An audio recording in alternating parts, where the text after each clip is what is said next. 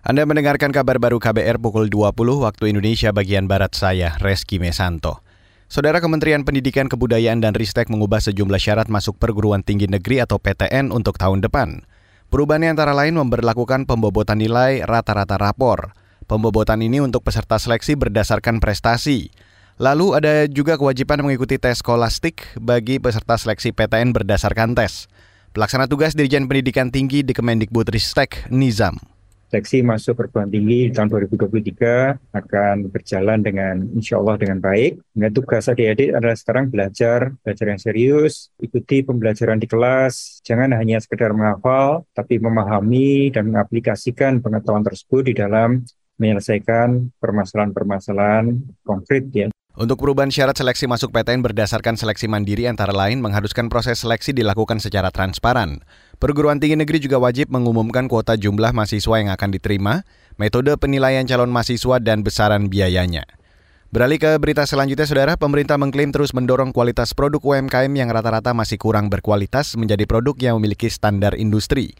Salah satu penyebab rendahnya kualitas itu lantaran teknologi produksinya terbatas dan sangat sederhana.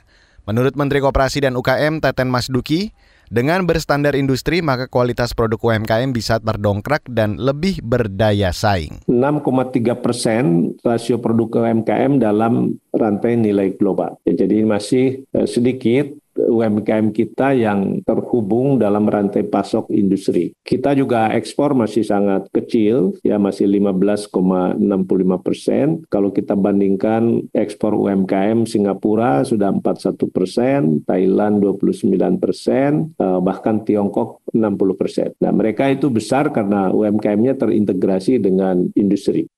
Menteri Koperasi dan UKM Taten Masduki juga mengajak kalangan pengusaha swasta untuk turut membangun rumah-rumah produksi bersama untuk UMKM, agar produk-produk mereka bisa memiliki standar industri. Rumah produksi bersama itu akan jadi solusi bagi para pelaku UMKM untuk bisa memproduksi produk dengan kemasan yang lebih baik meski dalam skala kecil. Saudara Kementerian Kesehatan berupaya meningkatkan pengetahuan dan kesadaran masyarakat terkait praktek pengobatan yang aman.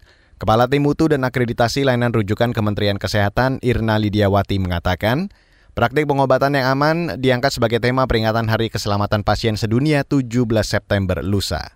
Kalau dulu mungkin keluarga atau pasien itu tidak kita libatkan dalam keputusan pengobatan, kalau sekarang itu eranya adalah bahwa uh, pasien dan keluarga itu juga harus terlibat aktif gitu ya pada saat uh, apa kita me memberikan obat dan bagaimana um, mereka itu harus menggunakan obat yang aman. Kepala Tim Mutu dan Akreditasi Layanan Rujukan Kementerian Kesehatan, Irna Lidiawati menambahkan, ada banyak upaya yang sudah dilakukan demi keselamatan pasien. Misalnya, penetapan Permenkes tentang keselamatan pasien. Selain itu, Kementerian Kesehatan juga terus berupaya meningkatkan pemahaman dan kesadaran masyarakat terkait penggunaan obat secara benar. Dan saudara, demikian kabar baru saya Reski Mesanto.